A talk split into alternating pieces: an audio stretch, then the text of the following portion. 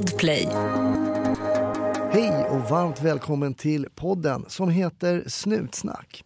Idag heter min gäst Patrik och ja, vi är ganska nära i tid när det gällde att börja Polisskolan. Jag började 88, han började 90 så det är lite igenkänning från min sida. Han har jobbat på den västra sidan i vårt land och det kommer två lite mindre roliga historier och en faktiskt eh, riktigt semesterliknande polisiär anekdot som man kan förstå var lite rolig. Den är från 94, den kommer alldeles strax. Ja, vi finns ju såklart på sociala medier, på Facebook och på Instagram och Patrik är också med i ett Patreon-avsnitt. Eh, på Patreon finns det lite bonusmaterial. Patreon.com snutsnack om du vill bli Patreon och ta del av det. I övrigt så hoppas jag att eh, du tycker att det här är ett intressant avsnitt och så säger jag som jag brukar säga, var försiktig där ute. 1310 kom. 1310 Odengatan kom. Ja, det är uppfattat. Vi tar det. Slut. Bra. Klart slut. Varmt välkommen till eh, podden Snutsnack Patrik. Tack snälla. Du är ju på lite visit här så jag har ju liksom kidnappat dig här till studion lite snabbt. Ja, det har varit snabba ryck nu ändå i Stockholm. Ja, men jag, jag brukar föredra att eh, få det här eh, optimala ljudet. Jag har ju berömt Oliver här för, som är vår ljudtekniker för hur bra ljud det blir. Eh, men berätta Patrik, ehm, vi har ju småsurrat lite innan här så jag vet lite grann bara vad du pysslar med just nu. Men när kom du på tanken att och, och börja jobba som polis? Det gjorde jag eh, 1989. Det är väldigt, väldigt många år sedan.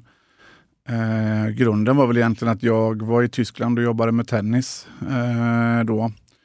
Det var under den tiden svensk tennis var väldigt stor utomlands och det var attraktivt att ha svenska tennistränare så att jag var tennistränare i Stuttgart. Eh, men ledsnade lite grann på att stå och slå ut bollar och säga hur bra folk var fast de kanske inte riktigt var det. eh, så då sökte jag två stycken utbildningar på hemmaplan. Jag sökte polisutbildningen och jag sökte en fritidsledarutbildning eh, med tennisinriktning. Och så hade jag turen att komma in på båda. Och smålänning som man är så valde jag faktiskt polisutbildningen för det var på den tiden den var betald. Just så att, eh, jag började 1990 i augusti på skolan uppe i Stockholm. Det där verkar inte ha varit en helt oviktig detalj för många som sökte på den tiden, bland annat jag själv. Att det var just betald utbildning, man såg en framtid utan skulder liksom för studier och så vidare. Men du menar att det påverkade dig också? Liksom, Ja, men det gjorde det absolut. Alltså i valet mellan att att, eh, börja jobba med, med studieskulder i grunden eller vara mm, studieskuldfri, det var ju klart det spelade in. Mm. Undrar om det, om det skulle påverka idag? Det tror jag att det skulle göra. Det tror jag absolut att det skulle göra. Ja. ja, och då på den tiden fanns det ju bara en skola så det var ju Sörentorp som gällde då. Ja, det var Sörentorp det gällde. Klev in genom portarna i, i eh, nå- någonstans runt den 20 augusti tror jag det var. Eh, och hamnade i en klass med, eh, vad kan det ha varit, 27-28 studenter. Eh, och det var ett fåtal som kom från Stockholm vilket gjorde att vi fick en väldigt, väldigt bra sammanhållning för det var ingen som kunde stan. Ja, just det. Så att vi hade våra Stockholms kollegor som fick visa oss stan och nöjesställen och så här. Och det, vart, nej, det var jätte, jättebra stämning i vår klass. Men hur var det då? Då kom ju du från ett du var instruktör, tennisinstruktör, du var den som stod liksom på instruktörssidan så att säga. Kanske i vissa fall berömde folk som inte var så himla bra. Men nu kom du att ta emot instruktionerna här till ett ganska i vissa fall också praktiskt yrke. Hur, hur var det då? Eh, jag hade jättesvårt första terminen när allting var teoretiskt. Mm. Eh, är väl inget jätteläshuvud så, så att eh, termin två när vi började jobba med övningar som var relaterade till den teorin vi hade läst i, i eh, termin ett så lossnade allting och sen dess har jag inte ångrat en sekund på det här jobbet faktiskt. Okej, så det var, fanns någon form av lite motstånd där i början då när de bara pumpade teori? Ja, det var väldigt torrt tyckte jag i början. Eh, jag var ju van att vara, stå på tennisbanan liksom och vara ganska aktiv och sen så skulle man sitta och lyssna på eh, saker som jag egentligen inte hade så bra koll på, juridik och sådana grejer. Ja, Och jag var ju dessutom bara 20, 20 år så att eh, man var ju väldigt, väldigt ung. ja. För ung egentligen när man ser tillbaka så här kanske. Men, men eh, då var det som det var och som sagt, när man kunde knyta övningarna till det och det varit mer praktiskt så var det mycket, mycket lättare att skapa en helhet runt det. Mm. Ja, jag fattar, jag fattar. Men då på den tiden så var det ju så att man fick en placering redan när man kom till skolan. Var var du placerad då? då? Vilken, för det var en myndighet som anställde Ja, jag var anställd av eh, Göteborgs polismyndighet. Så jag jobbade mina första år i, i Göteborg. Eh, Så efter de eh, första året på skolan så gjorde jag min praktiktjänstgöring i, i Västra Frölunda i Göteborg. Just det. Ja. Sen så kom man tillbaka till skolan igen och var här uppe i ett halvår till. Och sen så var jag tillbaka till Göteborg igen efter när skolan var färdig. Hur var det då som ung man i Göteborg, komma då som färdigutbildad konstapel och styra upp verksamheten på Avenyn? Jag kan säga att vi styrde nog inte upp någon verksamhet vi som var unga, det tror jag inte. Det, det var, men kulturmässigt var det ganska stor skillnad då mot vad det är nu tror jag. Eh, då var man yngst i tjänst med allt vad det innebar. Att man var faktiskt den som eh, fixade fikat. Man var faktiskt den som eh, fick ta flest nattpass eller sitta i receptionen och sådana här saker. Det är inte riktigt samma sak idag tror jag. Eh, så det var ganska hierarkiskt och, och den så kallade åldersordningen, alltså att, att den som är yngst i tjänst får göra det som är sämst, den var ganska väl inarbetad då. Mm. Ja, det var den. Jag, jag började ju 88, då, två år tidigare, och då kan jag verkligen känna igen det. Mm. Att det var alltid den som var yngst som fick, eh, fick man alternera. Vi som var yngst i vår tur, då fick man alternera då. Antingen sitta i repan, vilket man tyckte var jättetråkigt. För man ville ju vara sheriff liksom. Och, och ut. Eller så fick man sitta på baksidan som det hette, på Norrmalm där jag jobbade. Och det var ju arresten då. då. Mm. Och där hände det i alla fall polisiära saker. Folk kom ju in med bovar som var gripna Mm, och man kunde fråga då, de här polisassistenterna som fick vara ute vad de hade gjort och så vidare. Och så vidare. Så, men det, ja, det här har ju försvunnit såklart då, med åren. Ja, det har nog förändrats ganska mycket det tror jag faktiskt. Hade ni några ord för unga poliser i Göteborg? Eh, rävar. Ja, det var rävar där också. Jajamensan, ja. Mm. Ja, ja, det hade vi också. Det var ju klassiskt då. Ja, Det var någon som skrek där, in med, in med svansen rävjävel, det Ja, dammar. För det var ju när man var, ville ut och jobba Ja. liksom, och man var liksom för ettrig. ja man eh, vart väl ganska snart fostrad i att det spelar ingen roll att man ska vända på bilar mitt i natten. Upptäcktsrisken för att man springer på någonting som faktiskt är någonting att ha. Den är väldigt liten så det är bättre att vi tar det lugnt och så står vi på parkeringsfickan och tar det lugnt istället. Det är så lite grann var man fostrad då. Och de som var äldre. Ja, det var ju synd för att jag, jag läste, jag vet inte vem det var som, det var någon forskning som hade gjorts hur snabbt unga poliser som kommer in och är hungriga och Mm. vill jobba, hur snabbt det går tills man liksom plötsligt tillhör den kategorin som säger så själv. Ja. Alltså- jag lovade mig själv att jag skulle aldrig bli en sån. Nej, nej.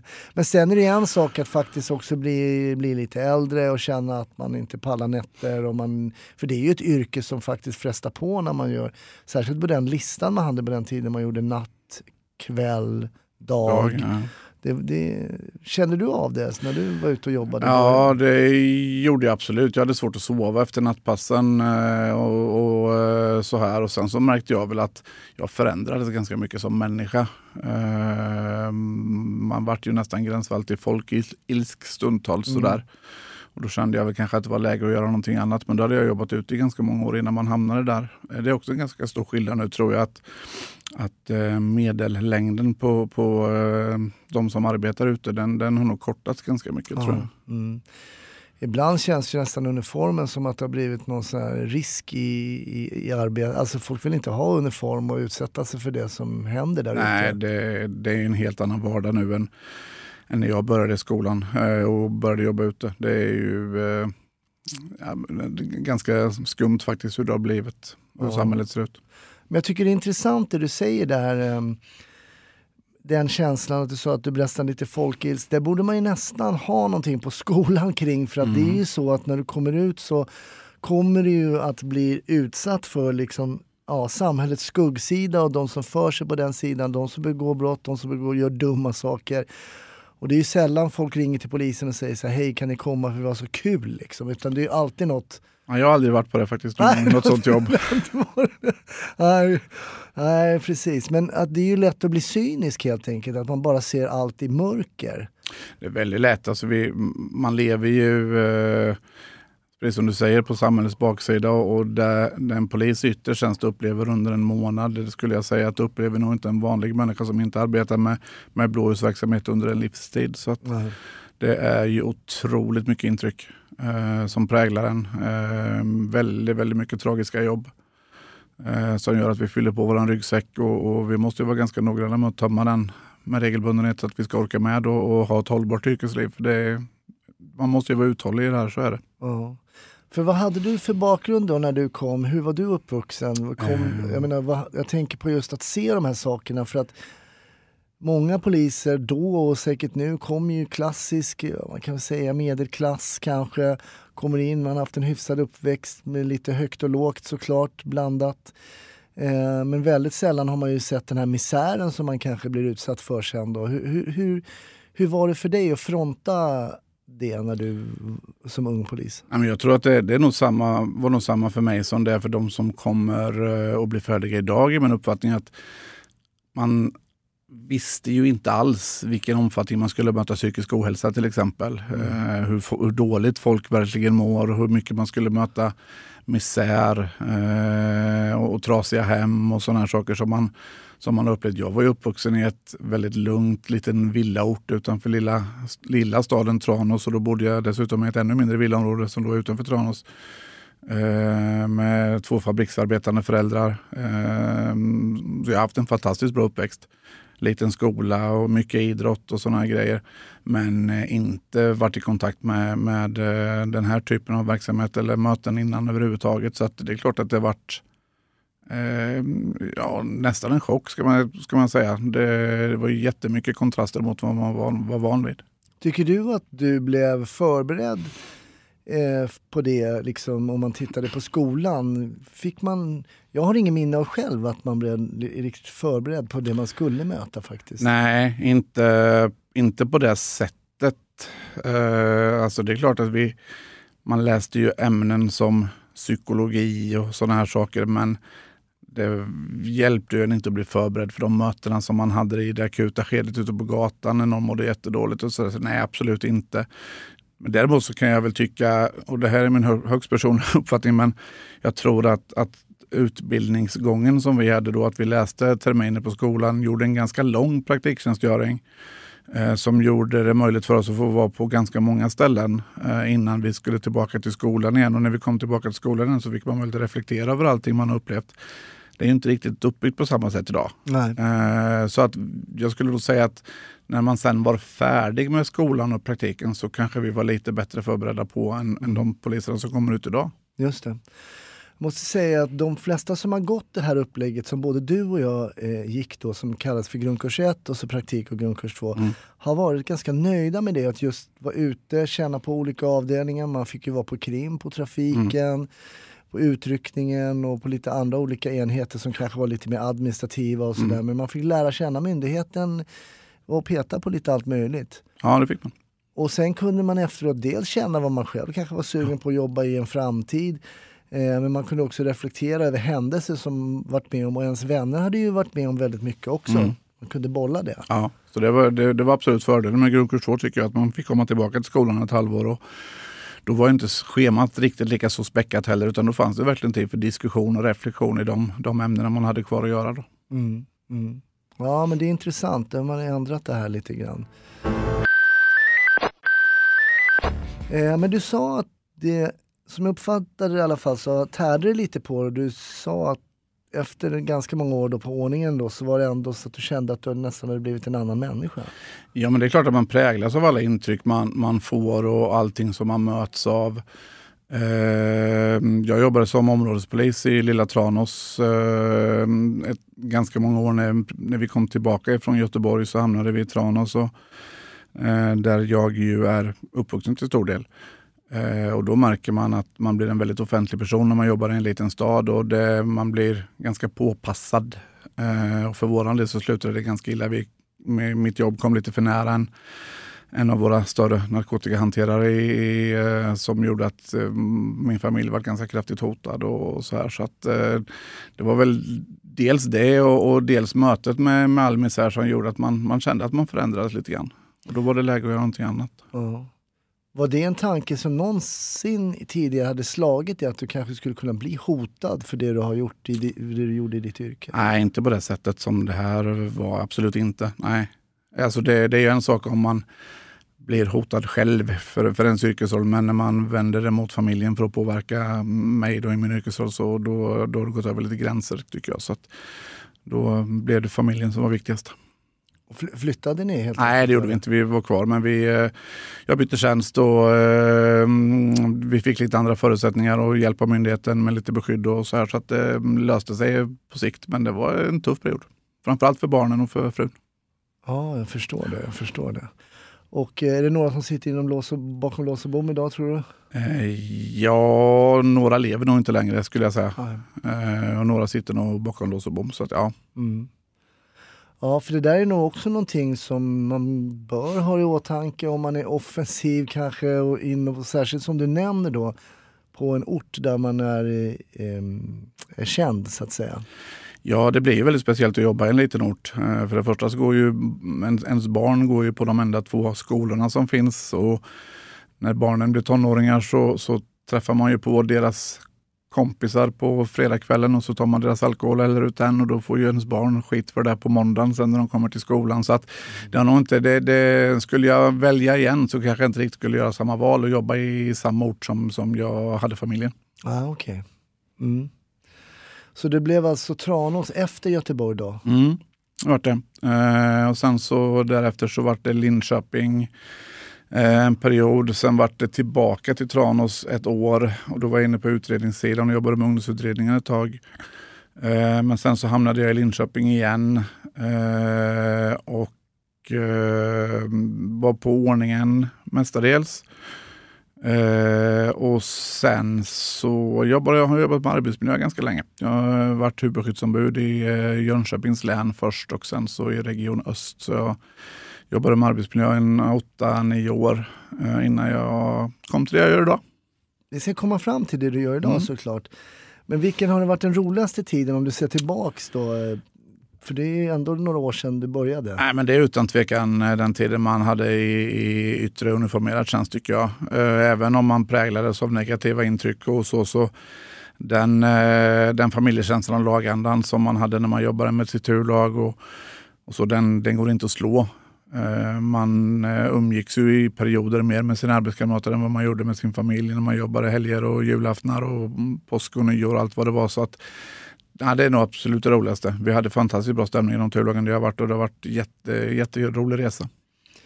Men du berättade lite om den här eh, ganska hierarkiska Mm. konstruktionen som fanns. Liksom. Hur var det att komma in i den då? då? Och du nämner också att det var väldigt bra sammanhållning och att ni hade väldigt, väldigt trevligt. Hur funkade det då? Att ha en sån hierarkisk liksom, uppdelning men blev det ändå bra?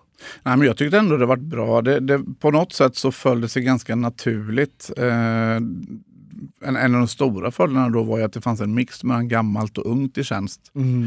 Eh, jag hade ju kollegor, när jag kom som ny så hade jag kollegor som hade jobbat i yttre tjänst i 30 år och jag lärde mig ofantligt mycket av dem.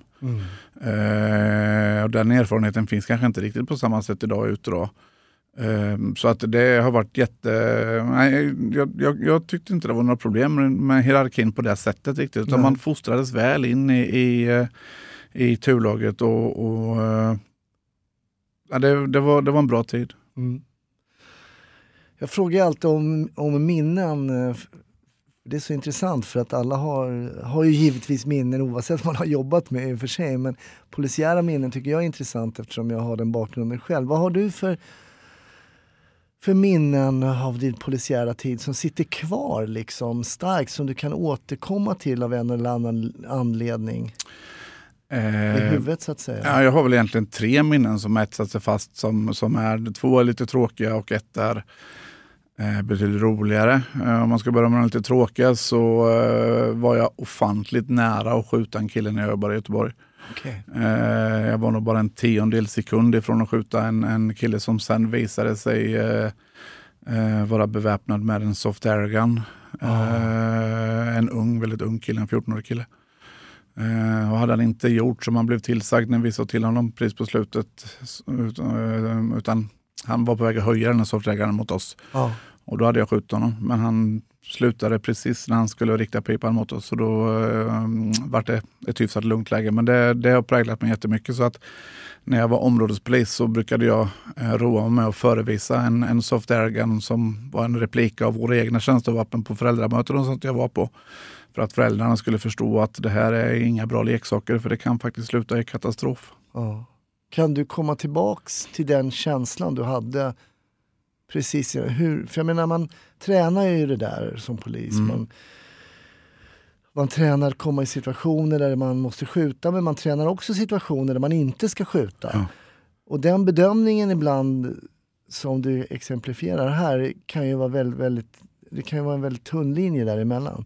Men när du stod där och var, var du mentalt förberedd då verkligen på att avfyra? Så Ja, jag hade nog faktiskt tryckt av. Hade han, hade han, eh, hade han, vi hade bestämt mig för att om han lyfter den där över midjan så kommer jag skjuta. Ja. Och han eh, var det i lårhöjd ungefär när han slutade och höja vapnet. Då, så att då, eh, jag hade nog faktiskt tryckt av. Det var så pass kort avstånd med så att det var liksom, jag var tvungen. Eller jag hade nog varit tvungen. Om vi jämför den känslan då innan att stå så att säga och vara beredd att avfyra då ett dödligt vapen Mm. så att säga mot en annan människa och sen sekunder efter egentligen då inse, för jag kan tänka mig att ni såg direkt sen att det inte var ett vapen när ni väl var framme. När vi kom fram och lyfte den så gjorde vi det. Ja. Mm. Och hur växlar känslan då? då? En enorm lättnad naturligtvis. En jättelättnad. Ehm, för det, det är ju så att skjuter man någon i tjänsten, oavsett om man skjuter någon till döds eller om man skadar någon, så är det ju förenligt med en, eh, för det första en rejäl massmedial eh, händelse. Det hamnar alltid, hamnar alltid i media. Eh, ofta ur perspektivet att vi har gjort fel. Eh, sen ska det bedömas av våra särskilda utredningar och det ska bedömas av eh, eventuellt av åklagare och tingsrätt så småningom. Sen så det är en jättelång process. Så det var ju naturligtvis en ofantlig lättnad över att slippa det. Men framförallt var det en ofantlig lättnad att slippa döda någon. Ja. Vi vet ju det som hände med Erik som blev Mm. skjuten här för några år sedan.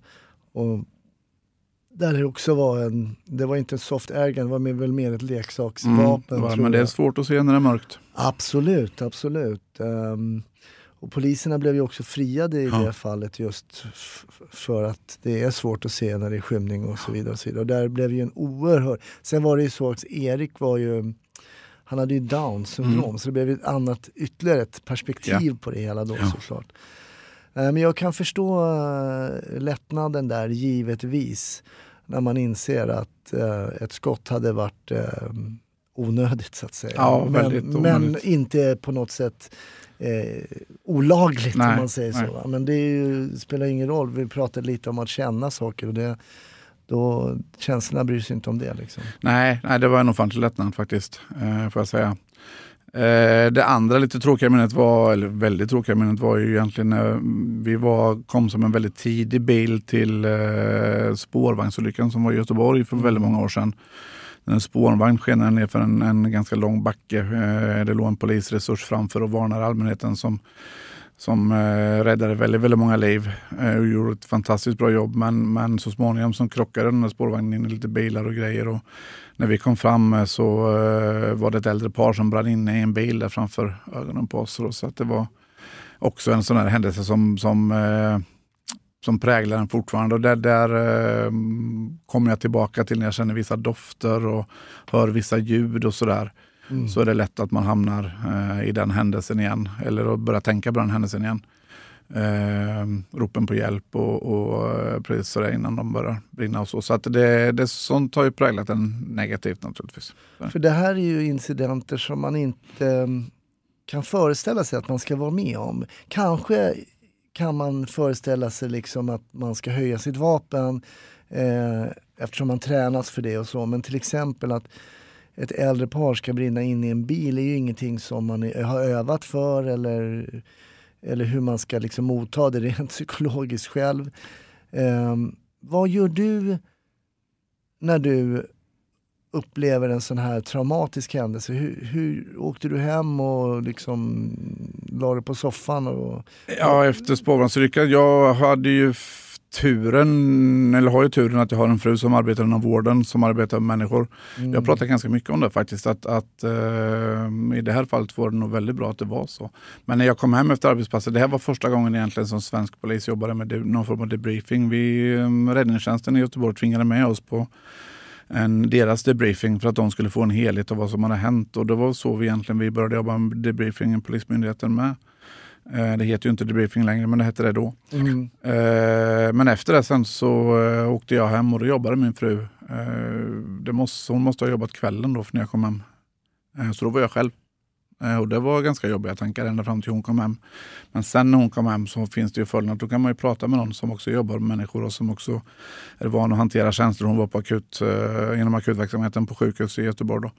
Eh, Så då blir det mycket lättare att kunna prata med någon. Eh, Det är nog svårare om man kommer hem till någon som är van att jobba med saker, kanske som inte kan relatera till att, Mm. att det är människor man, man jobbar med och människor man hanterar och sådär. Eller Mm. människor som kommer hem och är själva. Ja. Man inte har någon att studsa emot Nej. alls.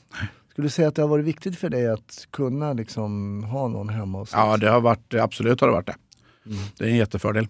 Sen eh, får man ju naturligtvis vara- fundera på vad det är man, man berättar ur sekretessperspektiv och sådär. Men, men alltså kunna diskutera händelser och känslor och sånt är ju jätteviktigt. Polispartners generellt får nog höra både det ena och det andra. Det tror jag.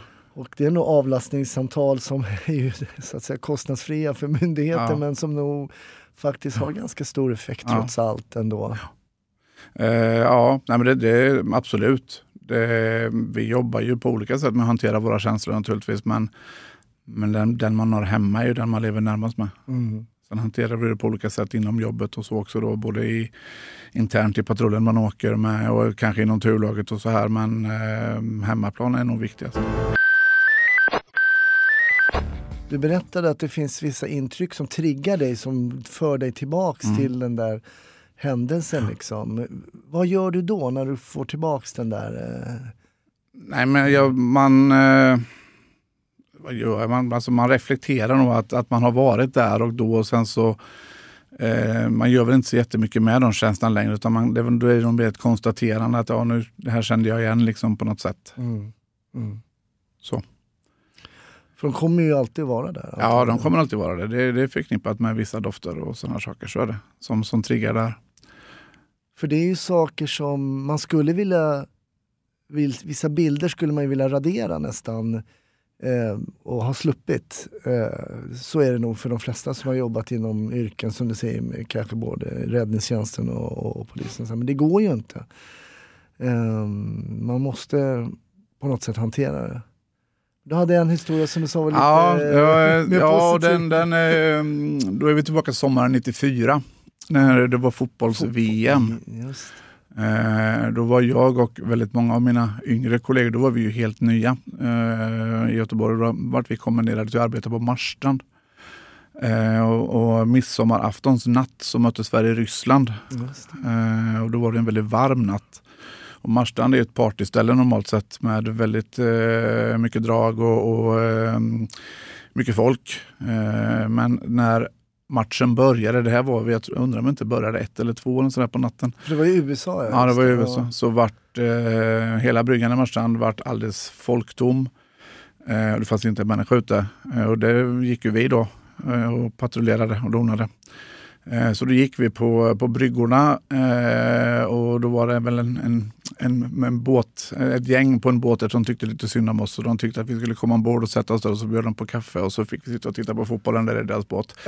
och sen så, så fotbollsmatchen var slut igen så var det ju bra dragen. Dessutom gick det ju bra för Sverige den matchen. Så att, eh, ja, det, var, det, var, det är sådana här sommarminnen som man kommer ihåg sen, sen förr. Ja, vilken... eh, Ja men det var ju skön.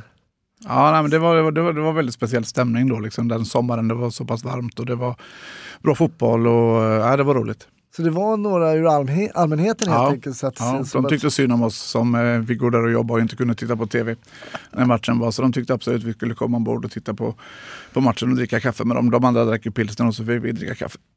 Det var Ja. trevligt. Det är så roligt för det poppar alltid upp eh, minnen när, eh, när jag pratar med mina gäster och precis så eh, blir det nu också. Och på tal om eh, VM 94 så jobbade jag på en på något som heter gatulangningsgruppen. Mm. Och efter Rysslandsmatchen sen så kom ju S- Sverige till semifinal mot Brasilien. Ja. Och då arrangerades det, ehm, då hade man storbildsskärm nere i Rålambshovsparken här i Stockholm. Och då sa vi, nej men alltså den här matchen, det, vi måste ner till, till Rålis och så kolla på matchen. Va? Så vi var i civila kläder, vi hade ju ingen uniform på oss och sådär. Va? Och så sätter vi oss där, det är fullt med folk, den här Storby, det är ganska sådär, stämningen är väldigt skön, spännande innan en stor match. Sverige är inte vana att gå så långt liksom. Ja, så började det ihop sig till match, så sätter sig alla ner och då ställer sig en kille framför oss, han ställer sig upp. Och då säger vi, men eh, hallå du får sätta dig ner, vi vill ju också kolla på matchen va. Och då vänder han sig upp om och är väldigt otrevlig faktiskt. Eh, och säger väl något att vi kan dra dit peppan växer eller något sånt där. Så tittar vi på honom och säger så här, är inte han efterlyst? så då visade det sig att det var ju en efterlyst kille. Okej, Så eh, det var att ta honom åt sidan. Eh, han åkte upp, han, jag träffade honom efteråt sen, han fick ju verkligen höra eller se på matchen för han satt ju på häktet då. Ja. Eh, så så kan det gå. Hade han bara satt sig ner och varit trevlig så hade vi antagligen inte märkt ens vem han var. Nej. Eh, men han mopsade lite och då såg vi att det var en efterlyst kille. Så att, eh, det, var också, det var inte lika bra som att sitta säkert på en, i en båt Nej, på men det, det var bra på ett annat sätt. Men det var bra för ett annat sätt och det är ett kul minne som ploppade upp. Ja. Ja, men idag vet jag att det är inte ordningspolisen som gäller utan du gör någonting eh, helt annat faktiskt. Ja, jag är eh, någonting som kallas för verksamhetsutvecklare på Polismyndigheten. Eh, jag jobbar på något som heter Utvecklingscentrum Öst. Eh, det finns eh, sju stycken utvecklingscentrum i landet, de, ett knutet till varje region egentligen. Och varje utvecklingscentra har eh, nationellt ansvar för ett antal sakfrågor som man hanterar. Då. Så allting vi utvecklar och eh, förvaltar gör vi ur ett nationellt perspektiv. Och på vårt utvecklingscentrum eh, så har vi ansvar för narkotika, ANDTS, alltså alkohol, narkotika, doping, tobak och spelmissbruk. Eh, mänskliga rättigheter, psykisk ohälsa och suicidprevention och arrestfrågor. Okej, det är brett spektrum. Ja, det är en väldigt bred portfölj vi har. Eh, och i mitt uppdrag så är jag en av tre stycken som delar på arbetet med arrestverksamheten och sen så det gör jag till 50 procent ungefär. Och de andra 50 procenten lägger jag på hur Polismyndigheten arbetar med psykisk ohälsa och suicidprevention mestadels ur ett externt perspektiv i form av samverkan med andra för att försöka definiera och tydliggöra vad är Polismyndighetens roll i arbetet med psykisk ohälsa och vad borde vården göra istället och hur kan vi samverka bättre för att minska eller framförallt för att förbättra individen som mår dåligt bemötande. Mm. Eh, Ska man träffa en polis när man mår dåligt eller ska man träffa en vårdres- vårdresurs när man mår dåligt? Jag brukar, jag brukar dra exemplet att om det är så att man eh, får en hjärnblödning då får man åka ambulans till sjukhus men bryter man hjärnan på något annat sätt då får många ofta åka polisbil till psykiatriakuten istället. Och det, båda är ju sjukdomar och det borde hanteras därefter. Just det, precis. Men är det någonting som verkligen är som en röd tråd genom den här podden så är det just eh, att man nämner psykisk ohälsa. Eh, som polis alltså. Eh, och de saker som människor gör under liksom sin sjukdom. Eh, och att man också kanske i vissa fall är väldigt förvånad, lite som du kanske också nämnde när du kom ut som ung polis. Att man blir förvånad att man möter så mycket människor som mår så dåligt. Det är, och det är fortfarande genomgående så att när man pratar med människor som, eller med, med studenter som har varit ute på sin praktikperiod nu så är det slående fortfarande att man är inte förberedd på det. Nej. Men vad skulle vara alternativet då till eh, att möta en polis? Som du säger, man, man är lite knäpp i hjärnan liksom. Vad skulle vara alternativet? För folk ringer ju polisen när folk gör knäppa saker. Mm, nej, men det, det finns ju en mängd olika exempel på verksamheter som fungerar ofantligt bra. Här i Stockholm till exempel så finns det något som kallas för PAM-resurs. Det står för psyki en, eh, psykiatrisk akut, eh, inte mottagning, nu ska vi se, nu tappar jag namnet på det sista, men PAM-resurs i alla fall. Mm. Eh, och det är en, en, ett fordon som är bemannad av både en somatisk och en psykiatrisk kompetens. Eh, som åker ut på, eh, ja, till personer som mår dåligt. Och istället för att polisen kommer och hjälper dem så kommer den här vårdresursen istället. Och det har slagit väldigt, väldigt väl ut i Stockholm. Det började som en, en pilot med ett fordon. Nu har man permanentat två fordon och de har fullt upp att göra. Mm. Och för våran del så underlättar det, det frigör verksamhetstid som vi kan lägga på, på andra saker som eh, är viktigt eh, och, och personer i fråga får ett betydligt bättre bemötande redan från början. Så det, sådana saker skulle vi vilja se mer av naturligtvis. Mm. Eh, jag kan väl säga, bara för att åskådliggöra lite grann hur psykisk ohälsa har ändrats. Så 2017 så kom det in ungefär 24 000 samtal till Polismyndighetens ledningscentraler runt om i landet som handlar om psykisk ohälsa och suicidförsök. 2021 var den siffran 34 000. Så att det har ju ökat ofantligt mycket i vårt möte med psykisk ohälsa. Ja. Jag har ju erfarenheter av dels att växa upp med en pappa som var psykiskt sjuk. Eh, sen var det så att min pappa var också polis. Det skapade problem att han var psykiskt sjuk och jobbade som polis, hade vapen och så vidare. Och så, vidare. Och så gjorde han ju då eh, ganska knäppa grejer. Eh, men därför så noterade jag under min tid som polis också en del väldigt dåliga bemötanden från poliser mot folk som var psykiskt sjuka. Och också bara slentrian, dumma grejer när folk sa att det här jävla psykfallet. Och då brukade jag ibland om jag satt i en polisbil eller en polisbuss tänka så här, mm, nu pratar du om min pappa liksom. Man får en helt annan em, vinkel på det när man har haft det i familjen och så nära inpå som jag hade som Ja. min pappa. Det jag. Och jag har också varit på en del jobb där en del har betett sig eh, ah, men faktiskt helt, helt olämpligt mot en person som är psykiskt sjuk. Eh, och där så måste jag, jag, där, där tror jag att det har blivit bättre faktiskt. Eh, men jag vet inte, hur, vet du hur det ser ut idag? Går man in på det mer under utbildningen idag? Ja, vi har faktiskt jobbat ganska mycket med bemötandedelen för vi fick eh, 2017 ett regeringsuppdrag som eh, var tänkt att det var designat för att vi skulle förbättra bemötandet av personer som lider av psykisk ohälsa. Eh, så under tre år så har vi jobbat ganska mycket med eh, höja kompetensen på olika sätt eh, bland olika personalgrupper. Både för ingripande poliserna men även för olika typer av receptionister, våra ledningscentraler, våra polisens kontaktcenter 114 14. Eh, så egentligen alla som, som har kontakt med allmänheten försöker vi att, eh, i deras utbildning lägga in pass och block om psykisk ohälsa och hur vi kan resonera runt bemötande och allt ifrån eh, att man inte alltid ska ta i folk och, och eh, ibland så kanske man måste prata långsamt för att någon ska hinna med och tänka efter och förstå. Det går inte alltid skena på. När vi, vi vill ju gärna ha kontroll, polisen. När man kommer till en händelse så vill man gärna ha kontroll över situationen. Och då ger vi ofta ganska snabba och tydliga direktiv mot folk. Och det funkar inte alltid om man lider av eh, vissa typer av psykisk ohälsa. Så då måste man tänka efter, vad är det lite grann jag ser framför mig och hur ska jag hantera det? Och ofta har vi ju tiden på våran sida om vi nu inte hamnar i direkta nödvärnssituationer som vi också gör ibland naturligtvis. Men, ehm, så jag tycker vi har blivit bättre på det. Eh, sen så finns det fortfarande mycket kvar att göra. Mm.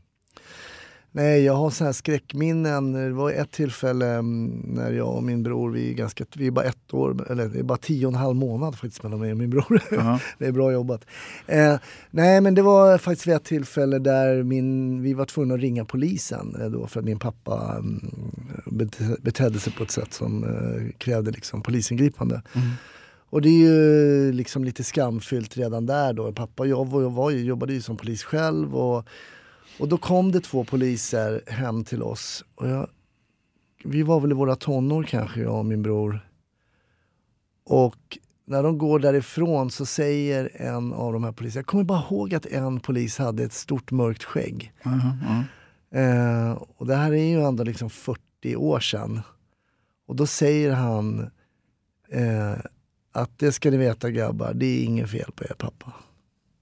Så han gav någon form av någon, någon form av läkare. Och min brorsa som har lite kortare stubin än vad jag har, han var så förbannad på dem. Han var så arg på de här poliserna. Ni känner inte vår pappa. Och det hade han ju rätt i. Ja. Och pappa var ju, men han var också väldigt duktig när det kom folk att dupera dem och sen bete sig på det sättet som man visste krävdes då av situationen.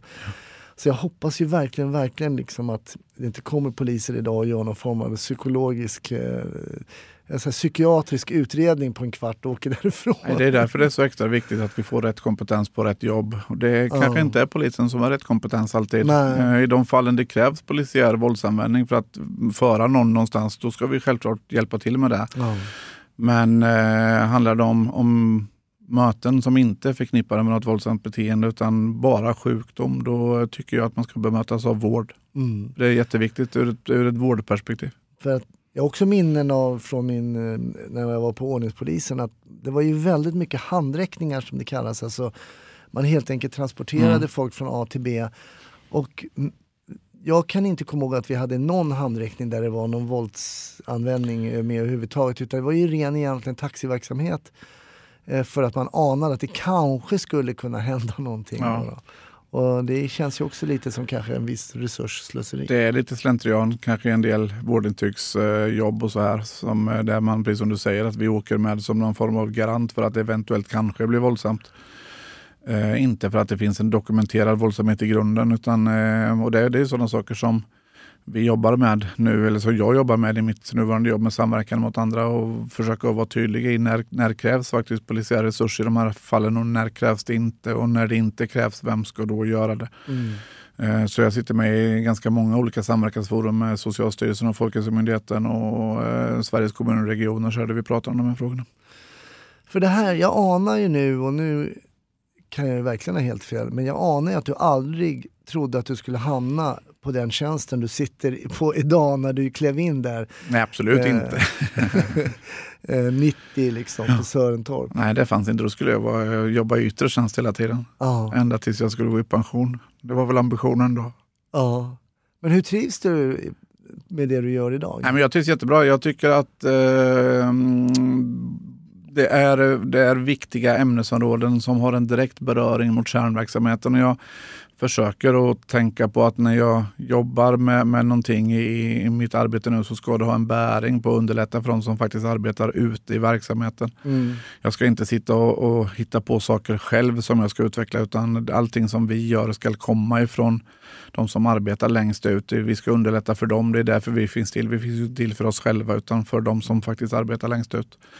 Eh, på arrestsidan så har vi jobbat ganska hårt med att eh, korta av rapporteringstider. Vi har digitaliserat mycket av hanteringen av- det som tidigare var blanketthantering av när man skriver in någon som var frihetsberövad. Det är nu digitalt och vi har skapat förutsättningar för våra stationsbefäl att ha bättre överblick över de som sitter frihetsberövade i arresterna. Vi har ökat rättssäkerheten så och nog kortat avrapporteringstiden säkert med 50-55 procent mot vad den var förut. Så pass? Ja, det skulle jag nog säga. Eh, så att, eh, och det har blivit väldigt, väldigt väl mottaget ute i organisationen. Så att sådana här saker är väldigt, väldigt roliga att jobba med. Så jag, kan, jag trivs jättebra. Så du kommer ihåg ändå när du satt där och knattrade på, på skrivmaskinen och alla papper Ja, som skulle hit och dit? Jag kommer ihåg eh, när man satt eh, innan elmaskinens tid till och med. Ja, exakt. de gamla handjagarna eh, och när man på, jag tror det hette personblad, då skulle vända på karbonpappret också i bankettsättet för man skulle skriva färdigt den sista delen.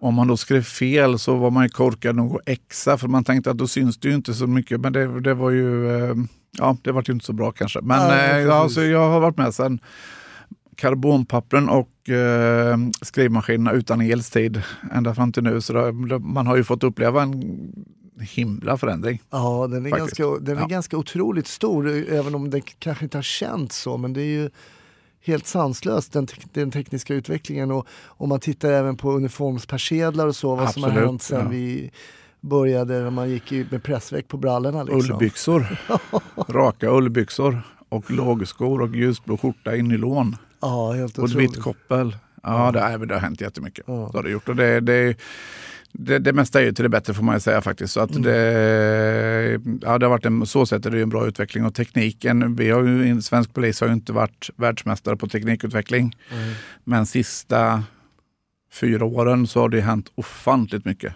Ja, För de som arbetar ute framför allt. För nu så har man ju allting på. Jajamensan. och det är helt otroligt. Ja. Ja. Och vår målsättning är ju att att våra poliser ska kunna starta avrapporteringen av en händelse redan ute i mobiltelefonen och kunna använda sig av telefonens platstjänster och tidstjänster och så här. Och sen ska det kommunicera med vårt system som vi har byggt där inne då. Mm. För att spara tid, framförallt i de jobben där vi kanske ska överlämna någon som är brusad till vård eller någonting annat. Då slipper man åka in till stationen överhuvudtaget. Så att det är en målsättning vi har. Ja, det är häftigt. Men bor det en, finns det en liten snutromantiker i dig som kan sakna liksom kan du liksom sakna och tänka så här, "Ja, åka lite blått i helgen om man fick göra det? Om jag gav dig, om jag gav dig möjligheten att så här, du, får, du får åka blått i en vecka här nu, du får ut på ordningen, sen får du gå tillbaks. Problemet är nog då, tror jag Hasse, att för det första så skulle det krävas en vecka introduktion. Ja, att jag kan nog inte, jag får, inte, jag jag får nog inte ens igång radion i bilen tror jag som det är nu. Ah, okej. Eh, För den är ju eh, också digitaliserad. Det är ju inte lilla mikrofonen som man hade förut och sen så en S80 eller en S70 utan nu är det ju helt annat. Eh, Nej, men det ser ut som ett rymdskepp. Jag Ja, det, ja, det gör det. Och de nya polisbilarna som kommer nu, de blir ju ännu mer moderna med, Ja. med tekniken och så. Alltså när, när, jag kommer ihåg när jag, när jag började ute eh, under aspiranttjänstgöringen, då åkte vi ju fortfarande gamla 240, vita 240. och eh, i Göteborg hade vi inte, i, i alla bilar fanns det inte vanlig bilradio, bilstereo. Eh, För att det, det riskerade nämligen att stjäla uppmärksamheten från patrulleringen om vi lyssnade på radio. Så då hade min handledare en batteridriven transistorradio som man hade en elsladd från antennen som man drar ut genom rutan och fäste upp i taket. Så lyssnade vi på radio på det sättet istället. Så det har hänt ganska mycket sedan dess. faktiskt. Åh, herregud.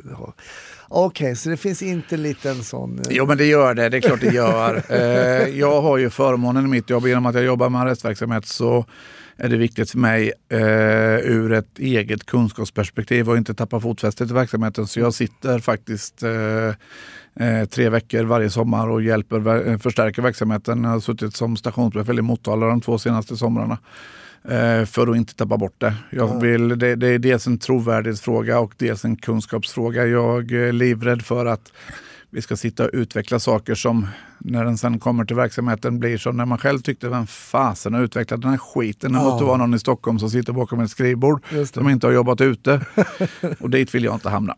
Så att därför försöker jag vara kvar ute och försöka göra de här veckorna. Det är ofantligt nyttigt för mig. Mm. Men kanske kan du mätta din, eh, din eh, snutromantiska ådra genom att kolla på polisfilmer? Det beror helt och hållet på om de är svenska eller utländska. Ja, det är så? Det är där utan går liksom... tvekan. Ja, det gör det. Eh, jag har ofantligt svårt för eh, ja, filmserier som Beck och Wallander och de här som eh, oftast mer eller mindre idiotförklarar de som arbetar på den blå sidan. Eh, Eh, Eh, eller den käcka polisaspiranten som kliver in och löser mordfallen och sådana här saker som det ofta är.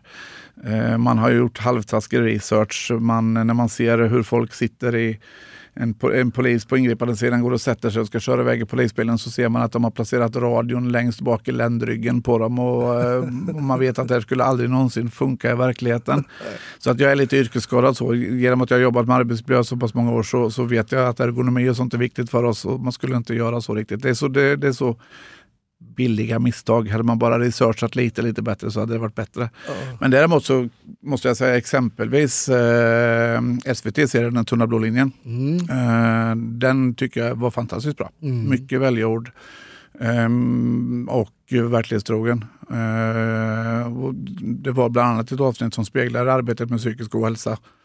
Eh, som var hand i handske för den verksamheten jag pysslar med. Ja. Och ehm, för att få skryta lite då så har ju manusförfattaren till Tunna blå linjen skrivit till mig och sagt att den kanske inte hade blivit av om det inte hade varit för den här podden. Jaha, det ser man.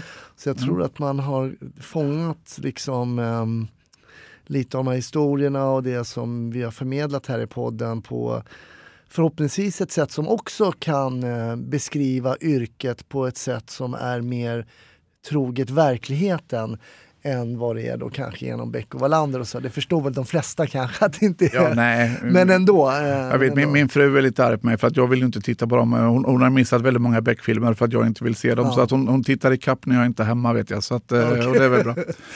Men då om vi går över till amerikanska då, då Dito.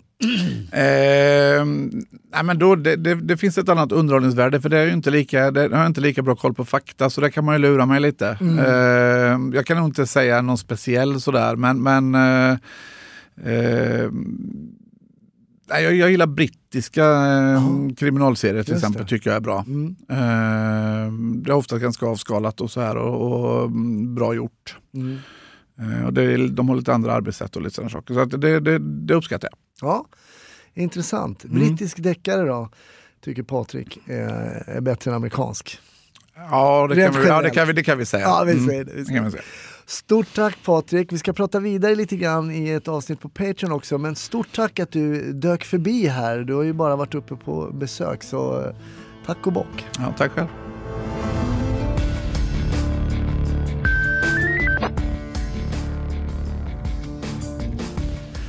Tack för att du har lyssnat på Snutsnack. Det här avsnittet är över, men givetvis är vi tillbaka i nästa vecka med en ny intressant gäst. Jag hoppas att vi hörs då. Bonusmaterial finns på patreon.com snutsnack. Annars så ses vi eller hörs vi kanske på Facebook eller Instagram. Ha det bra, hej då!